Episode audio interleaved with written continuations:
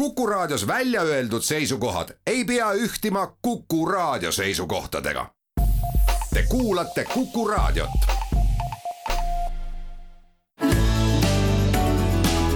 keskpäevatund. hei Miki, aeg on kätte jõudnud, ma juba liiga kaua eri suunas sõudnud ja peale surud voodi oli algusest peale külm olen küllalt kuulanud sul lubadusi, kõrvus osistatud tühjavõitu tõotusi, lõpu algus käes, sest leek on ammu kustunud. kui ta kunagi põleski. vabasta mind nüüd,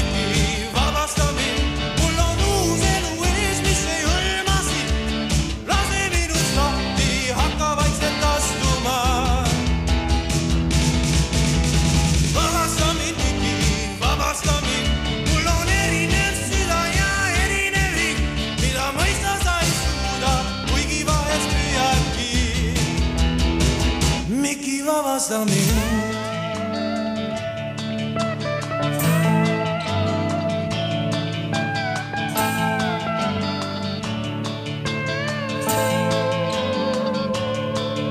sa õpetad ja manitsed kui kurjavõitu ema, siis jälle meelitad ja mängid ahvatleja. ei tea ühest päevast teise, mis mõtted keerlevad su peas. sa räägid mulle meie kaunis tulevikust, pakud mulle õnne, rõõmu ja rikkust, kuigi sahvrid tühjad ja riiulitel puhub tuul. juba aastate viisi. vabasta mind, vabasta mind,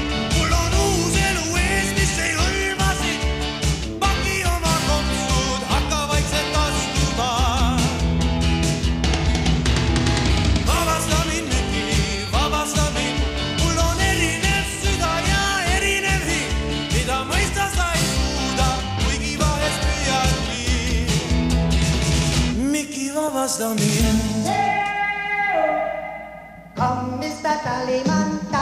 banana. uudiseid koduvabariigist. tere, siin on Keskpäevatund ja Kuku raadio Tallinna stuudios Ainar Ruussaar, Ignar Fjuk ja Priit Hõbemägi. kuulsime Kanada väliseestlasest muusiku Peeter Kopp-Villemi laulu Vabasta mind Miki, mis on ju pühendatud hoopis mitte mingisugusele Miki Hiirele, vaid Mihhail Gorbatšovile. Ja ta kirjutas selle laulu tuhande üheksasaja kaheksakümne üheksandal aastal. Eesti Vabariigi iseseisvuse taastamine on Mihhail Gorbatšoviga tihedalt seotud, sest äh, tema katsed NSV Liitu restaureerida lõppesid sellise kaosega, et seal sees avanes selline helesinine unistuste ja võimaluste aken, millest siis Eesti, Läti ja Leedu kolmekesi üheskoos välja kargasid ja taastasid oma iseseisvuse. Ja Mihhail Gorbatšov suri sel nädalal üheksakümne kahe aasta vanuses.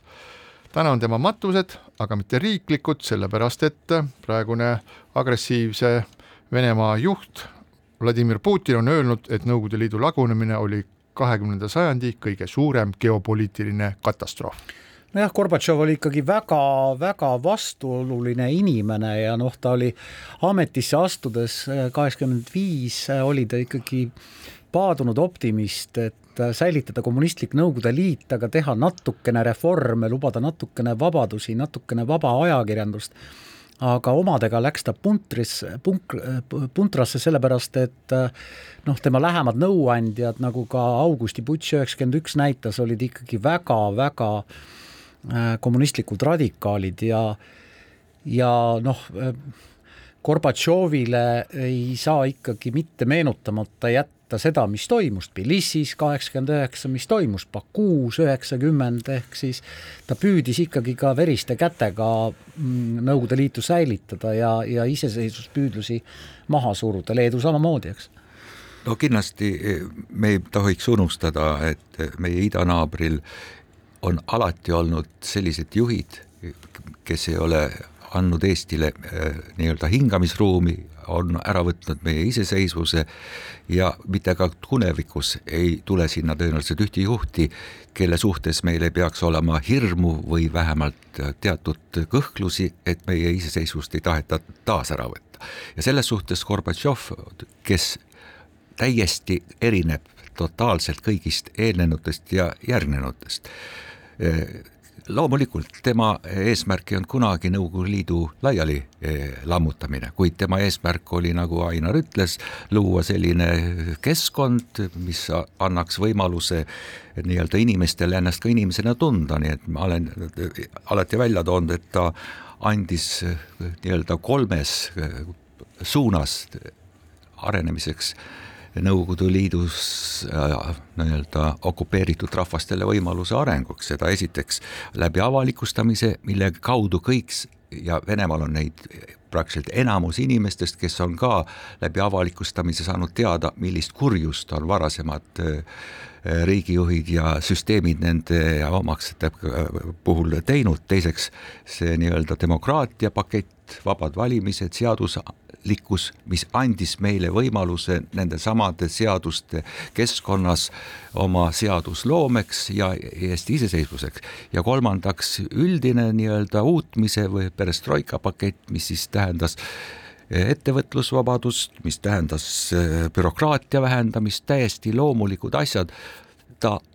tema valearvestus oli see, et kui kõik need anda inimestele, et sel juhul kaob võimalus seda seltskonda koos hoida. ja, ja tänu sellele valearvestusele me peame talle tänulikud olema ja me ei peaks talle nii-öelda püstitama eesmärke, mida tal kunagi on, no näiteks, et ta oleks pidanud tulema sõitma Eestisse, tulema Toompeal, andma meile iseseisvus. ta lõi tingimused, et iseseisvuse me võtsime, iseseisvust ei anta kunagi, me võtsime selle ja, ja ainult tänu sellele, et see süsteem ja keskkond mõne aasta jooksul seda võimaldas. jah, ta oli muidugi väga vastuoluline ka selles mõttes, et äh, noh, väga paljud äh, lääne liidrid ju tegelikult armastasid Gorbatšovi ja ja pooldasid teda ja pooldasid ka tema poliitikat, et andke rohkem vabadusi, aga jumala pärast, et Nõukogude Liit ei laguneks. see oli me, mina mäletan noore tudengina, oli mulle ikka äärmiselt ebameeldiv kuulda, kuidas Saksamaa juhid või ka äh, või ka mm, Prantsusmaa juhid äh, siilitasid Gorbatšovi pead ja ütlesid, et tee oma perestroikat edasi, aga jumala pärast et Eesti, Läti, Leedu ja keegi teine iseseisvuks, et, et tee see Nõukogude Liit korda. see oli, see oli äärmiselt ebameeldiv tookord. ja see oli ebameeldiv, aga, aga nii-öelda poliitiliselt vähe kogenud kõrvale ja meelele, sellepärast et, et me ei tohi unustada, et, et igal sammul, kui Gorbatšov neid oma reforme läbi viis, oli tal seal vastasrind. KGB-st läbi imbunud totaalne bürokraatlik süsteem, meil ta nii-öelda näitas oma nägu interrindena ja, ja ma Rahvasaadiku kongressil ollu, olnuna ma mäletan neid hetki, nii kui ta vähegi hakkas rääkima nii-öelda baltlastele ja väikerahvastele meeldivat juttu, siis kolmandik kuni pool saalist hakkas jalgu trampima, mõmisema ja lärmama. nii et ta laveeris nii-öelda kahe positsiooni vahel ja lääne juhtide ütelus, ärge kõigutage Gorbatšovi paati, tähendas seda, et kui te ta uppi ajate, siis tuleb asemele Andropov, Putin või keegi ja lõpevad igasugused reformid. no ja no Putin lõppkokkuvõttes tuligi, aga kui me, kui me nüüd vaatame, kui sa ütled niimoodi, et see on nagu kaks poolt, et ähm, üks pool siis nagu ma ei tea, üks vanameelsem ja teine progressiivsem pool, siis kui me tänast maailma vaatame, siis me näeme, et selles olukorras, kus, mille siis Gorbatšov tekitas, mina pean seda tema käpardlikkuse tunnuseks, et ta üritas mingisugust asja teha, ta ei saanud sellega päris hästi hakkama. Ja tänu sellele, et äh, et ta ei suutnud oma nii-öelda eesmärke ellu viia, siis õnnestus meil sellest asjast välja lipsata, selle väljalipsamine muidugi iseenesest vabadusse ei ole ainult tänu sellele, et avanes mingisugune aken, vaid alati tuleb selliseks võimaluseks valmis olla ja valmis olemiseks oli eestlastel kahtlemata need eelnevad aastad, kaheksakümnendate aastate lõpp, kus äh, väga palju räägiti kõigest sellest ähm, Eesti Vabariigis, Eesti Vabariigi taastamisest ja kahtlemata see elav kogemus, mis oli siis oma vanemate ja vanavanemate kaudu saadud, et ähm, Eesti Vabariik oli olemas ja see on selline koht, kuhu tasub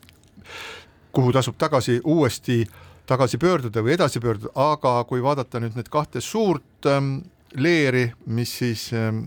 mille omavahelise vastuolu Gorbatšov es, esile tõi kõige paremini, siis on ju selge, et mõlemad on saanud oma. suur hulk riike on taastanud oma iseseisvuse ja KGB on saanud riigi, mis on nende käe all. et tegelikult selle tulemuseks, selle tulemuseks on see, et vastandlikud jõud said seda, mida nad tahtsid, osa riike said vabaduse ja Putin koos oma KGB aparatuuriga sai Venemaa lõplikult enda kätte. sa oled alati, mitte alati, kahel korral siin saates toonud esile seda mingisugust sententsit kellegilt prao kohta, kust valgus sisse pääseb. Leonard Cohenilt. no täpselt ja, ja Gorbatšovi need paar aastat, mis ta võimul oli, ongi selline pragu selles suures impeeriumi loos, mis pole kunagi mõelnud demokraatiast, pole kunagi mõelnud, seaduslikkusest, nii et selles suhtes sul on õigus ja eriti ka selles, et, et asi ei juhtunud aastal üheksakümmend üks, kui me oma iseseisvuse taastasime, vaid just aastast kaheksakümmend viis alates, kui oli võimalik need muutused nendega alustada ja need läbi viia, ma mõtlen, esimene ja kõige tähtsam läbi avalikustamise ja selle demokraatia juurutamise kodanikuühiskonna loomine on väga oluline, et inimesed hakkasid Eestis tunnetama ennast peremeestena, vabade kodanikena ja teiseks, et oli aeg luua õigusruum vaba Eesti Vabariigi jaoks, et kui me ju üheksakümne esimesel aastal selle iseseisvuse taastasime, meil oli ju vastu võetud juba see oras ehk maareform, õiguselt, õigusvastaselt võõrandatud varareform, erastamine juba toimus kõik, nii et see kõik oli juba tänu sellele hakanud pihta, ettevõtlusvabadus, kõik see toimus juba. Jah, noh, Gorbatšovi meenutades tasub ikkagi meenutada ka veel üheksakümne esimese aasta augusti, ehk siis seda putši, kui Gorbatšov tegelikult ju pandi lühikeseks ajaks Krimmis koduaresti ja siis tuli ju välja, et need, kes tegelikult kavandasid seda tagurlikku riigipööret, kellega Gorbatšov igapäevaselt koos töötas, need olid ikka tõelised stalinistid. et äh, ega tal ega tal ikka lihtne ei no, olnud. no ma ei tea, mina, minul on teistsugune vaade sellele asjale, ma, ma äh, mõtlen, et kui midagi, kui mingisugune saladus läks Gorbatšoviga hauda, siis on see ikkagi selle üheksakümne esimese aasta augustiputši saladus, kus siis Eesti lõppkokkuvõttes äh, välja rabeles sellest soost. ja see on see, et äh, suur tõenäosus on siiski sellel, et äh, Gorbatšov tajus, et tema reformid, mida ta siis ellu püüdis Nõukogude Liidus viia, tegelikult ei vii soovitud tulemuseni, et see see lagunemine toimub paratamatult, midagi pole teha ja üks võimalus on siis tõmmata pidurit mitte enda kätega, vaid äh, siis kas äh, kaasa mängides või ise, ise siis ähm, korraldades selle äh, riigipöörde, kus kolm sellist pooljoobnud värisevate kätega ätti riigitelevisioonis esinedes ütlesid, et reformid on kogu riigis peatatud ja nüüd pöördume tagasi korra ja süsteemsuse juurde. Ja Gorbatšov oli sel ajal oma Krimmi suvilas ja kui ta sealt kolme päeva pärast tagasi tuli, siis oli tal seljas ilus, ilusad puhtad riided, ta oli puhanud, ta oli värske, ta oli terve, ta lehvitas käega ja tuli tagasi nagu selline õnnelik lavastaja, kelle lavastus on korda läinud. Ja, ja neid teooriad, mis väidavad, et Gorbatšov lavastas selle putši ise, et oma, et seda, püüda seda mänguväljakut kuidagi korrastada, et ta ei saanud enam hakkama sellega, mis oli lahti läinud, noh, ma arvan, et Gorbatšov ise oskab sellele, oskaks vastata kõige paremini, aga seda küsimust, sellele küsimusele me tema käest enam vastust ei kuule. Ja sellest on muidugi kahju, aga ma olen üsna veendunud selles, et see putš oli ka tema enda kätedega. nojah, aga, aga sinu poolt kirjeldatud ajast möödus vaid, möödusid vaid mõned kuud, kui Gorbatšov teatas, et Nõukogude Liitu enam ei ole, Nõukogude Liidu presidendi ametikohta enam ei ole, ta astus tagasi, Venemaa presidendiks sai Boriss Jeltsin ja no, ärme siin äh, seda Gorbatšovi nüüd liialt heroiseeri, ta sattus tohutusse, ta, ta oli samasugune selline hunt, kes oli tõusnud kommunistliku partei tippu sama redelit mööda, kuidas sattusid sinna Stalin, Brežnev, Hruštšov, Andropov ja kasutas samu äh, vahendeid, et ta ei olnud mingisugune tore vabaduse tooja, sellised inimesed sinna ei, äh, ei sattunud. Ja see, et ta oli siis nii-öelda sunnitud selle Nõukogude Liidu laiali saatma, selle põhjus oli väga lihtne, sellepärast et temale tekkis niivõrd tugev rivaal, see oli Boriss Jeltsin, samasugune partei kasvandik, kes lihtsalt tekitas olukorra, kus Venemaa väljus Nõukogude Liidust ja siis ei jäänudki mitte midagi järgi Gorbatšovile endale, see oli tema ainus käik kogu see punt laiali saata, sest eda, enam valitseda tal ei olnud mitte midagi. ma arvan, et ma, ma, ma absoluutselt heroiseeri äh, vastupidi, ma tuletan meelde, et ma ütlesin, et Gorbatšov oli riigijuht siis, kui Nõukogude armee tappis teritatud labidatega Tbilisis rahulikke elanikke okei okay,, ei heroiseeri, selge. Bakuus tapeti rahulikke protestante, kes nõudsid Aserbaidžaani iseseisvumist ja nii edasi ja nii edasi. Gorbatšov oli siis riigijuht ja tema kätel on ikkagi, oli ikkagi päris palju verd. ja, ja otsaesisel metsalise märk, aga Ignar. ja sina. ma proovin kolmandat korda siis, et, et loomulikult, aga mina lähtun ikkagi sellest, et Eesti on iseseisev riik oma, oma meelsuses, oma põhimõtetes, oma iseolemises ja, ja mind üldse ei huvita, mis oli see Gorbatšovi noh, mingisugune tegelik noh, mõte, kui see putš toimus või, või miks ta seda üldse tegi. ma lihtsalt lähtun sellest, et ühel heal päeval mais või aprillis kaheksakümmend viis tekkis Eestil lootus ja väga nutikalt Eesti rahvas oskas nende kuue aasta jooksul oma lootuse realiseerida iseseisvuseks. ma ei pea kunagi ja keegi ei peaks huvi tundma, millest tehakse vorsti, mis seal vorsti sees on. meie jaoks lihtsalt toimus üks selline uste avamine. Ja ma lisan ühe väga huvitava detaili. Butši eel ma olin just ja saabusin siis kahekümne üheksateistkümnendaks augustiks Eestisse. Tagasi, olin Rootsis koos Lauristini Savisaar ja veel Rahvarinde inimestega, seal oli siis Baltimaade teisi inimesi, meie taolisi ja, ja siis Põhjamaade Rootsi peaminister. kas te olite ja... seal selleks, et kui Eestis lähevad kõik et siis te moodustate varivalitsuse ei, ei, ja saate seal Rootsi valitsuse seal, käest? seal oli just aruteluks, et mismoodi edasi saada, mis teha, sest tolleks hetkeks oli täielikult kujunenud nii-öelda ummikseisu tunne. tähendab, mitte mingisugust kõik hakkas tagasi liikuma, igal pool hakati nii-öelda kruvisid kinni keerama, igal pool tekkisid teatud vastasrinnad Moskva poolt. nii et selles suhtes see oli noh, nii-öelda helde kingitus, et ühel hetkel kaot-, kadus Moskvas nii-öelda õige juhtimine ja me saime oma otsuse langetatud. ja, ja siin on punkt, mind ei huvita rohkem, miks see juhtus seal, on selle taga Gorbatšov või ei ole. sellel pole mingit tähtsust, Eesti on iseseisev vaba riik no ajaloo, ajaloo vastu võib ikka uudis, uudishimu tunda, et miks, miks need mingisugused asjad seal sündisid. kahtlemata, et äh, Eestis on neid inimesi, kes on äh, äh, suhelnud Gorbatšoviga, neid vist väga palju enam järgi ei ole, et on äh, lahkunud siis äh, Endel Lippmaa, noh neid äh, toonaseid Viktor Palm. jah, Viktor Palm, aga neid toonaseid inimesi, kes temaga siis sellel äh, kuulsal või tahaks öelda kurikuulsal siis rahvasaadikute kongressil või mis iganes selle nimi oli Moskvas siis äh, kokku said, et äh, neid on, neid siiski on, sina oled ju ka nende hulgas. no ja, ja siis, mis sa, mis sa siis ütlesid Mihhail Gorbatšovile, et kuule, Miša, kuule Miki, vabasta mind ei, see nii ei olnud, see oli üsna sumbuurne kohtumine, kui Eesti delegatsioon kunagi, see võis olla augustis või, või, või juunis või juulis temaga kohtus aastal kaheksakümmend üheksa äh, aga kõige tähtsam on see, et see oli üks kohtumistest paljude seas, kus me veensime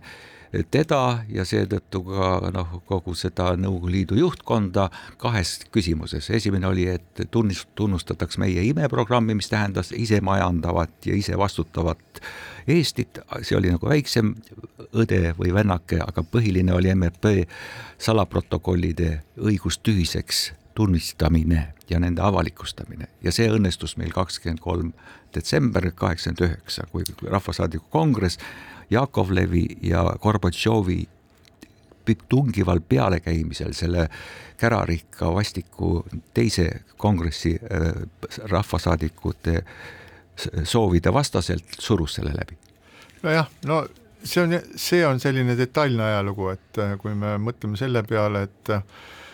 see kõik toimus kolmkümmend aastat tagasi ja selline põlvkond, mis hakkab asju ajama Eestis ja, ja kelle jõud on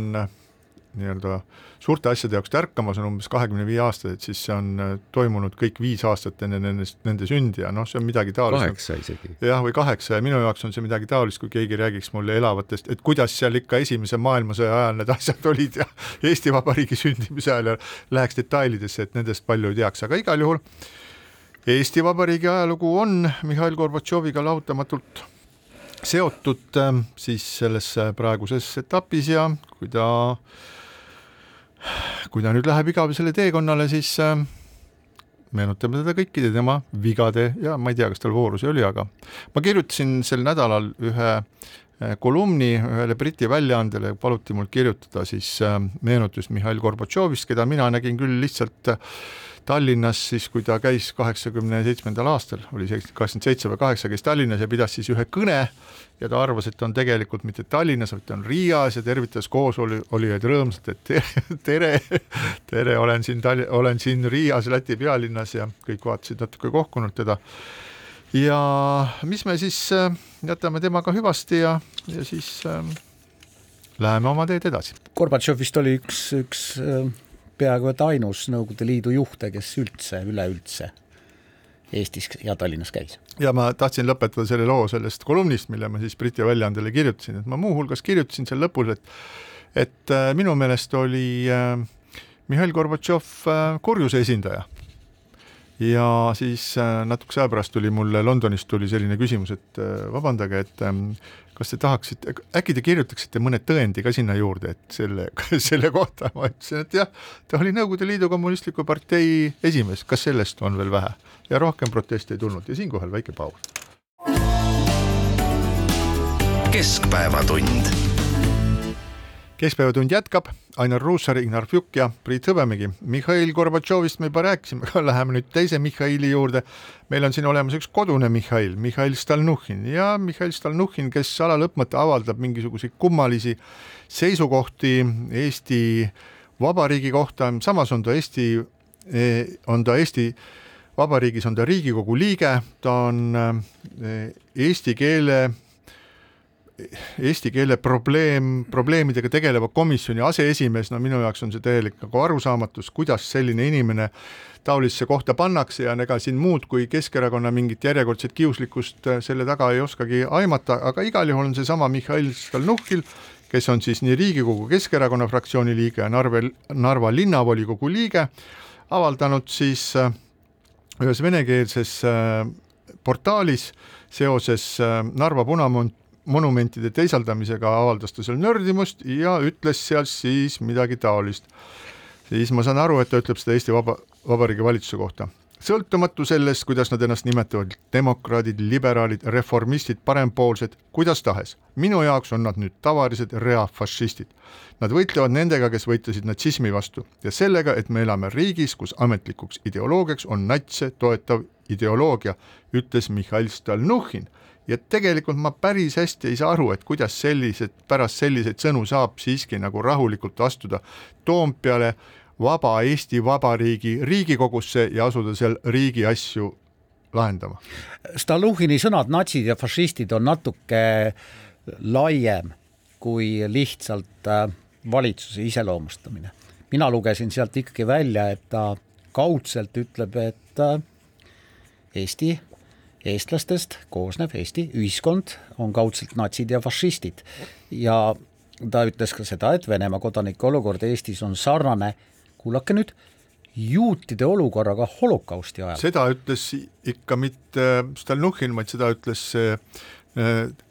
Vene teatri juht Loss. aa, jah, teine Vene teatri kunstiline juht Philipp Loss, kes nüüd ametist lahkub aga mina esitan küsimuse ja ma kavatsen seda küsimust esitada senikaua, kuni ma sellele küsimusele vastust ei saa, muuhulgas ka järgmisel laupäeval ähm,. väga lihtne on see, kui Keskerakonna esimees ja Riigikogu esimees Jüri Ratas nüüd vabandab selle pärast, mida tema erakonnakaaslane ütles e, loomulikult Eesti vanim ja suurim erakond Keskerakond ei viska Stalnuhhinit välja, ma ei tea küll, miks loomulikult ei algata Eesti Vabariigi parlament temalt saadiku puutumatuse äravõtmist. Ja kui seda nädala jooksul juhtunud ei ole, siis ma esitan taas küsimuse, et miks Keskerakond ei ole Stalnuhhinit oma ridadest välja heitnud ja miks ei ole võetud temalt eh, saadiki puutumatust. Ja mul on palve ka headele kolleegidele ajakirjanikele ja, ja headele raadiokuulajatele, kui me kohtame selliseid avalikke äh, väiteid, nagu Stalnuhhin või Philipp Loss on öelnud, et äh, Eestis on holokaust ja, ja eestlased on fašistid, siis palun andke sellest teada, palun kirjutame sellest, sest see on üks röögatu, ääretu ja vastik vale. keegi meist ei ole siin fašist ja keegi meist ei ole siin natsist. väga ilusa artikli kirjutas mõni päev tagasi Martin Ehala Postimehes, kus ta just toob välja selle nii-öelda Yana Toomide või Mihhail Stalnuhhinite poolt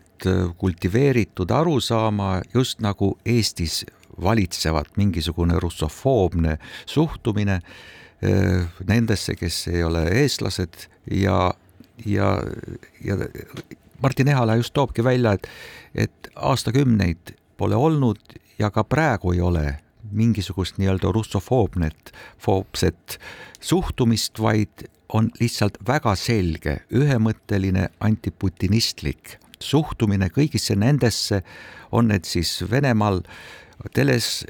laiutavad Solovjovid või meil siin tanki taustal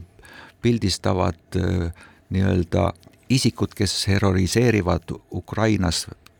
toime pandavaid tapatalgusid või igasuguseid eh, nii-öelda imperialistlikke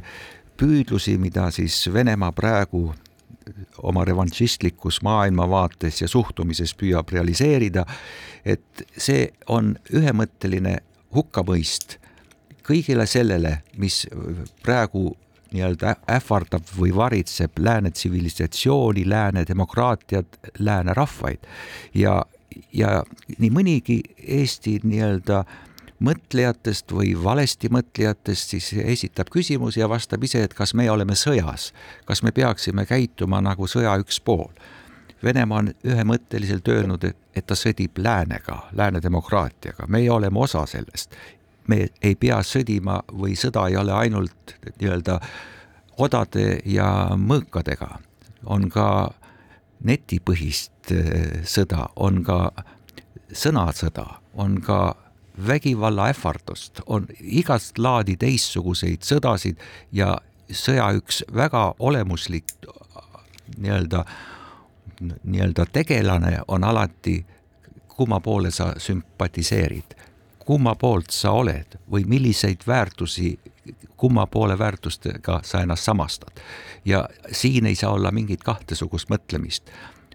Praegu püüab, püüab Venemaa hävitada kõiki see, kogu seda väärtusruumi, kuhu me oleme jõudnud ja kus läänemaailm elab. nii et sellisena me oleme sõjas ja igasugune nii-öelda vastuseis sellele sõjale on antiputinistlik seisund, sõltumata sellest, kas seda putinismi väljendab venelane või mõni muu rahvusesindaja. Yana Toom, jah, Euroopa Parlamendi saadik nimetab Eestit russofoobseks riigiks. Ma olen nõus, mitte mingit russofoobiat siin ei ole ja ma soovitan Euroopa Parlamendi saadikul kellel on väga lihtne reisida, sõita mõnda russofoobsesse piirkonda ja saada aru, mis on russofoobia. noh, soovitan näiteks sõita Ferganao orgu Usbekistanis ta võiks püüda seal kandideerida ka kohalike omavalitsusse, saades enne muidugi selleks loa Taškendist president Šavkat Mirzojajevilt. aga mm, Stalnuhhin, Toom, Philipp Loss peavad aru saama, et nad esindavad rahvast, kes on agressor. Nad kuul-, on ennast ise kuulutanud selle rahva äh, liikmeteks ja nad esindavad rahvast, kes on agressor, sõltumata sellest, kas nad toetavad Putinit, ei toeta Putinit või mida iganes. aga senikaua, kuni Venemaa tapab Ukrainas rahulikke elanikke, tapab lapsi, senikaua, olgu see russofoobia või mitte, senikaua peab Venemaa elanikkond mõistma, et praegune režiim tuleb kas kukutada või või mitte või panna ennast tõepoolest isolatsiooni ja elada veel niimoodi, sellepärast et ainus lühike periood Venemaa ajaloos, mida võib natuke nimetada demokraatlikuks, oli siis, kui oli lühikest aega võimul ajutine valitsus. et noh, kui te tahate niimoodi edasi elada agressorina agressorriigis, siis meie ei saa teid kuidagi aidata, aga see ei ole russofoobia see on tõdemus. jah, no Stalnuhhin ja see Philipp Loss, kes Loss või Loss, mis ta on, kes siis oli Vene teatri kunstiline juht, Vene teater ja viiendal septembril tema leping pidi lõppema ja enne seda tal tekkis siis noh, selline nagu pöördumine või selginemine, et ta sai aru, kui õudses kohas ta on kogunud kogu selle aja elanud, ta on viis aastat siin olnud ja ta siis kirjutas Facebookis nii, et et, et mm, nii mis saab edasi meie õigustest? ühtäkki roomas kõigist pragudest välja mädane kõle russofoobia ning keegi ei kirtsuta sõna, ei kirtsuta nina ega ütle valjult puh, õige hetk, kas pole. kõige eest arveid klaarida, tallata jalge alla kõik Venemaa Föderatsiooni kodanike vabadused ja õigused, justkui poleks meil ilma selleta piisavalt probleeme. Mis saab edasi meie õigustest, millise joone juures peatuvad meie innukad naabrid, kunagi ma mäletan, üsna hiljuti hävitasid nad sama innukalt juute Eestis, ta on ise juut, ja muidugi sellist suuremat fopaad nagu teha, et äh, süüdistada siis tänapäeval kedagi holokaustis äh, ilma mingisuguse põhjuseta on väga, väga raske teha, nii et äh, Igor Lossiga ma arvan, on asjad üsna selged, et vaevalt, et tal õnnestub kuskil mõnes teatris enam siin tööd saada ja ma imestan ka väga, et noh, kui ta sellist nagu buss nagu endal põues kandis, et kuidas siis üldse see Vene teatrisse, kuidas ta Vene teatris selleks näitejuhiks seal sai, aga, aga tema jutt on natuke teistmoodi kui Stalnuhhini jutt, sellepärast ta räägib siin, et sellest, et et Eestis tallatakse jalge alla kõik Vene Föderatsiooni kodanikuvabadused ja õigused. et see on nüüd täiesti uus selline kontseptsioon minu jaoks, et me elame siin, meil on inimõigused ja siis me oleme Eesti Vabariigi kodanikud ja nii edasi ja nii edasi, siis on siin elamisloa saanud inimesed ja siis tuleb välja, et on niisugune eraldi rühm, kellel on mingisugused eriõigused ja need on siis Vene Föderatsiooni kodanikud ja neil on omad vabadused ja õigused, mida siis nende kohta keegi midagi midagi ei tohi öelda ja põhimõtteliselt nad käivad siis nagu sellises nagu väikses turvamullis ringi, olles toonud oma vabadused ja õigused siis nagu Venemaalt siia sisse ja keegi ei tohi seda torkida. aga no kui nüüd ei ole aeg küps selleks, et et hakata täitma seadusi või teha vajalikke seadusemuudatusi, siis millal veel? me rikume kogu aeg seadusi meie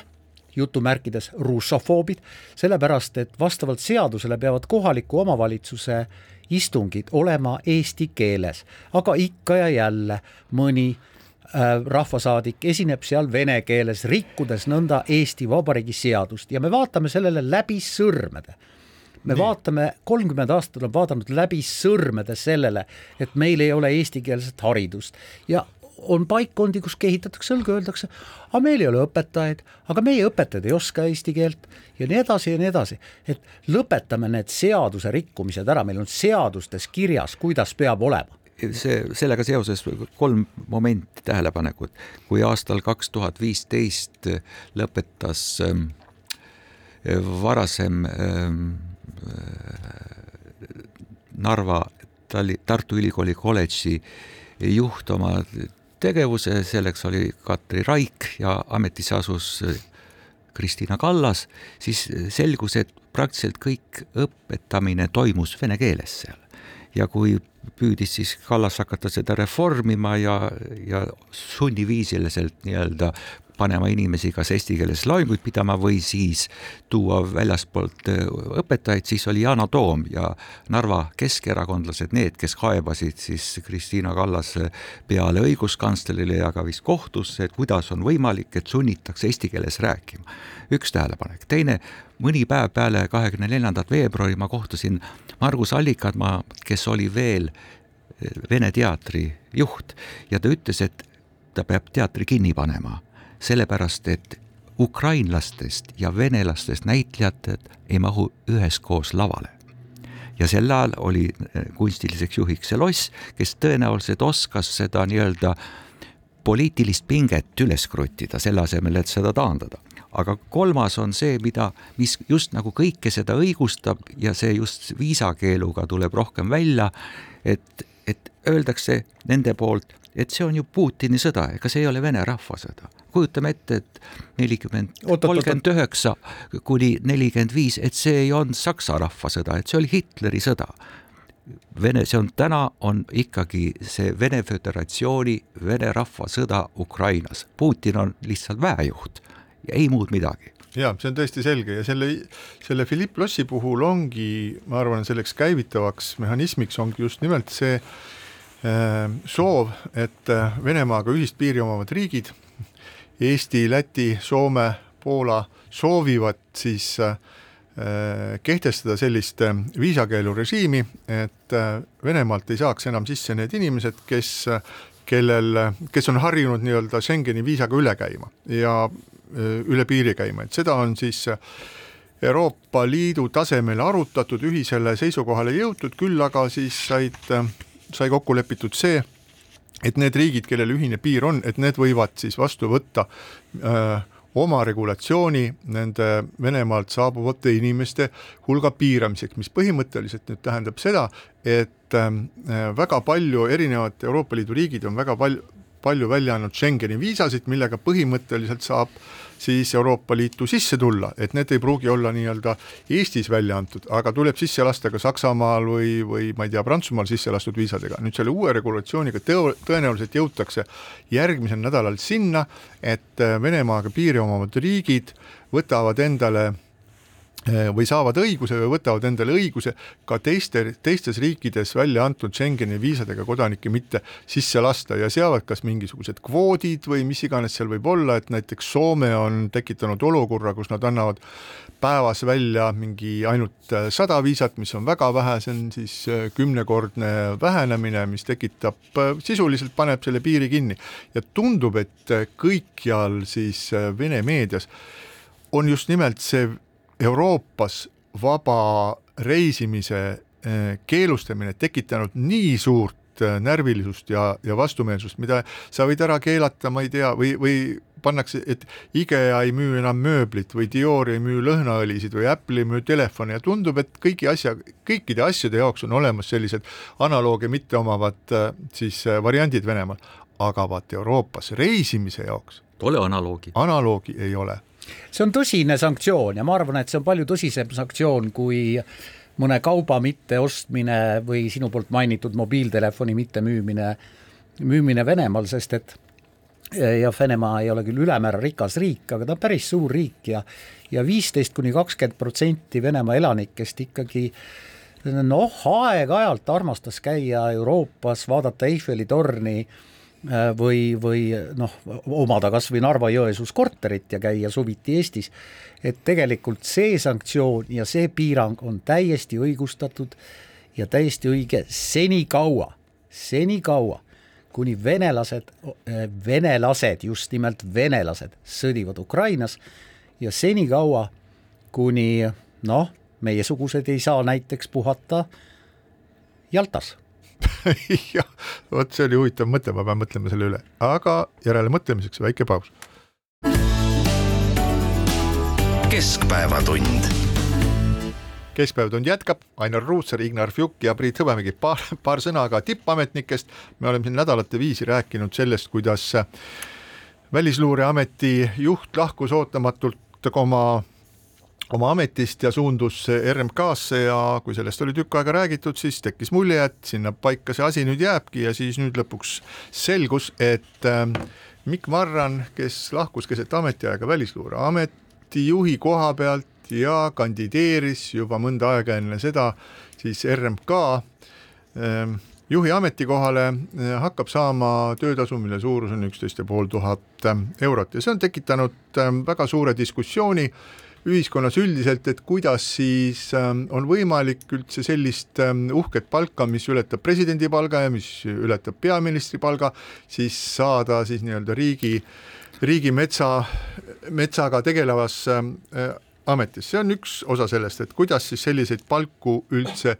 määratakse, et milline roll on nõukogul ja nagu on näha või kuulda olnud, et äh, nõukogu oli arvanud, et mis seal ikka, et äh, kui sellist palka inimene soovib, siis võib talle seda ka maksta. teine küsimus on siis minu, minu puhul, minu jaoks on teine küsimus palju olulisem. nimelt on Mikk Marran ise ametlikult öelnud ja mitte ametlikult, vaid avalikult öelnud seda, et tal puudub igasugune kompetents metsamajanduse osas ja on öelnud, et see minu kompetentsuse puudumine või see, et ta sellest asjast midagi ei tea, see Ehm, on võib-olla tema pluss, et ta suudab erapooletult neid ehm, asju vaadata. Ja nüüd ma pakuksin ennast välja mitmesugustele kõrgetele ametikohtadele, mida kõrgematele, seda parem, ja eriti sellistele, millest ma mitte tuhkagi ei tea. Ja lugupeetud siis ähm, riigiisad, kes te neid asju otsustate, et vaadake, kui ma äh, ütlen teile niimoodi, et et kui ma nendest asjadest midagi ei tea, et äkki see ongi minu tugevus. Minu tugevus on see, et ma mitte midagi ei tea ja te äh, maksate mingisugust hullumeelseid summasid selleks, et äkki siiski nii-öelda jopastab, nagu öeldakse eesti keeles, aga minu meelest on see täiesti absurdne ja vale arusaam. vaene Priit, sa ei no. ole nagu asjast üldse aru saanud. eelmises saates me rääkisime, tsiteerides Meelis Oidsalu artiklit, et Eesti tippjuhtide hulgas on tekkinud teatud sisering, milles jagatakse hästi tasustatud ametikohti ning sadakond tippametnikku pigem määratakse kohale, kui saavad konkursi alusel ja kõige vähem määrab või on seal teguriks kompetents ja haridus, haritus. ja, ja et kuidas see nii-öelda sisering tekib, üldiselt mina olen aru saanud, et selle tekkimise baasiks on nii-öelda erakondades ühe süvenev veendumus, et nemad on eliit, et eliit ei ole mitte mingisugune oma ala teadlased, tunnustatud teadlased või kultuuritipud või oma ala spetsialistid, vaid eliit on see, kes ehk juba koolipingis annab oma hinge ja esimesed kolm tilka verd mõnele erakonnale ja läbi siis erinevate positsiooniga erakondade tugisüsteemides, kõige tunnustatum neist on muidugi plakatikleepija, teevad nad oma esimese samme karj karjääriredelil, kuni neist saab nii-öelda partei, mõne parteinina juhe, fraktsiooni nõunik või isegi ministri nõunik nõunik, tavaliselt neil inimestel pole ka haridust veel piisavalt, mujal maailmas nõunik tähendab suurimat kompetentsi ja neid tsiteeritakse avalikus ruumis. ja selle nii-öelda seda toetab just erakondades kultiveeritav ja ka ühiskonna poolt vastu nagu tunnustatud mõnes mõttes teatud selline eliiditeadvus või sisseõpitud ülimuslikkus või kõikelubatavus, millest on välistatud igasugune nii-öelda vigade tunnistamine, vastutus ja, ja see ongi see, kuidas Mikk Marran ametisse sai, ta on selles siseringis tema kohta, tema määramise kohta kehtivad sellised reeglid, mida pole avaliku teenistuse seaduses, mida meie, Priit ja Ainar, sinuga ei mõista. aga ta sai selle ameti ja just nagu sa rõhutad, mitte midagi sellest asjast teades. ma olen üldiselt seda meelt, et noh, ükskõik kui palju inimene kõrget palka saab, et selle üle mina ei arutle ja ei vaidle, ju ta on selle siis ära teeninud või, või on talle see mingil põhjusel ette määratud, aga aga küll ma olen seda meelt, et äh, meil on ametikohti või ametipositsioone, kus tõepoolest palk on niigel. noh, õpetajate palkadest on lõpmatuseni räägitud lõpmatuid aastaid, täpselt samuti nagu politsei- ja päästeametnike, ametnike palkadest, aga aga teeme siis nii, et et teeme need õpetajate palgad natukene suuremaks, aga teeme siis nii, et hakkame sealjuures ka täitma seadust. ehk siis õpetaja ei saa olla gümnaasiumi diplomiga inimene, õpetaja peab olema tegelikult ikkagi magistrikraadiga inimene ja kui ta seda ei ole,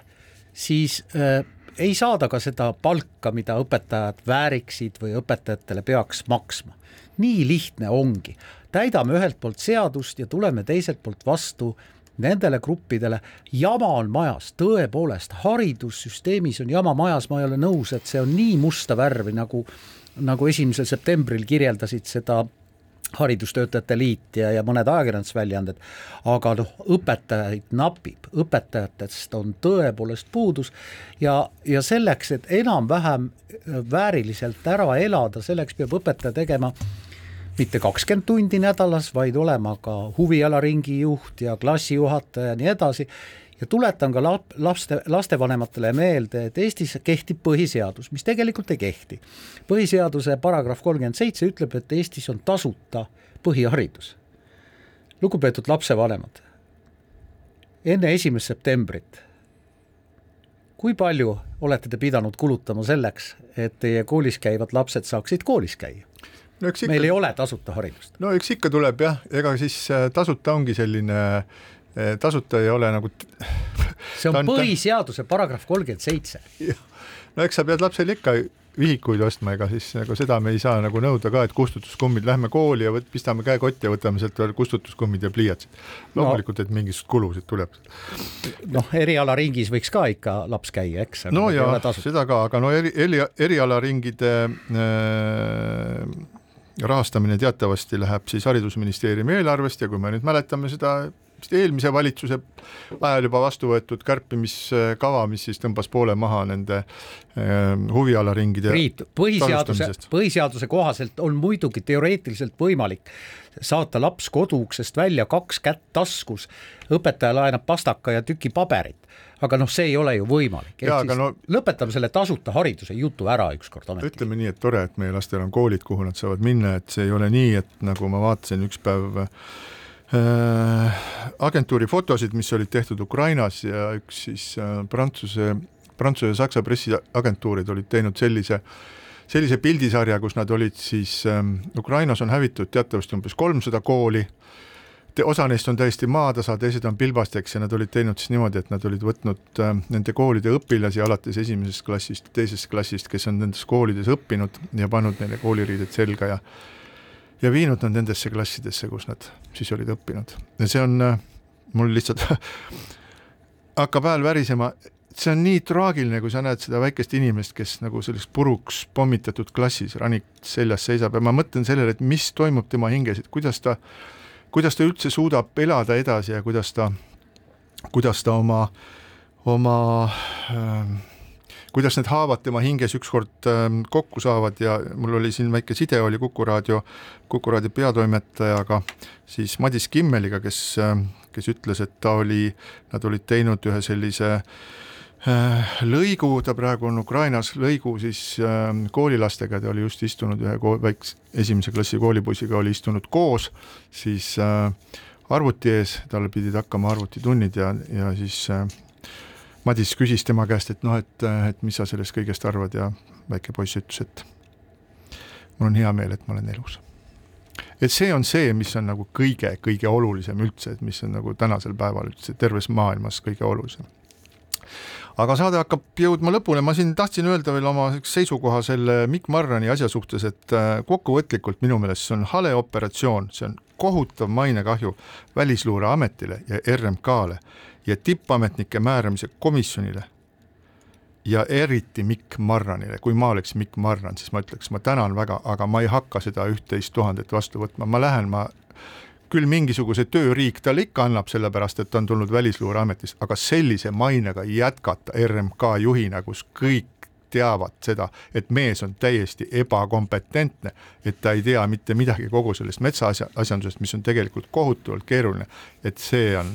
mul on, mul on sellest Marranist äh, inimesena kahju ja ma arvan, et tal jätkub tervet mõistust tõmmata ühe seinast välja, öelda, et sorry, need asjad läksid kõik kontsu, ärme tee seda. jah, Priit, ja siia tahaksin ma veel lisada, et vaatasin just üle oma mailbox'i saabunud viimased emailid ja lugesin üle kõige viimased uudised. Mihhail Stalnuhhin on endiselt Riigikogu liige, Keskerakonna liige ja Narva linnavolikogu liige. no vot, mis me siin, nii aga, aga me saame tallegi öelda, et kuule, vana astu teisele poole Narva jõge, et jäta see ussitamine siin, et te tegelikult ei taha keegi selliseid tegelasi siin näha. aga kui juba läks selliseks nii-öelda lõpulausete ütlemiseks, siis ma mitte Marrani toetuseks, vaid ikkagi tahaks öelda, et see fookus ei ole antud juhul Marranis, vaid neid nii-öelda Marraneid on kogu aeg sellest tulenevalt sellest süsteemist, ka Marrani puhul tuleks teravad küsimused esitada MRK nõukogule, et miks ta esiteks sellise konkursi tegi, kus polnud nii-öelda palgalage, kus lihtsalt inimene astub uksest sisse ja ütleb, millist palka tahab, nõukogu ütleb jah, sa selle saad. ja et see valikusüsteem pole läbi nagu öelda avalikkusele arusaadav ja mõistetav, et lubabki sellest rääkida kui teatud siseringi põhjal jaotatavatest hüvedest ja ametikohtadest. nii et ma loodan, et, et mitte ainult Marran ei tõmba nii-öelda Priit, sinu sõnu, sõnul juhet seinast välja, vaid ka riik proovib läbi vaadata kogu selle tippametnike määramise korra ja süsteemi ja teeb siin olulisi muutusi. nii on, seda loodame, aga siinkohal lõpetame saate. tänan kuulamast ja kohtume taas nädala pärast. keskpäevatund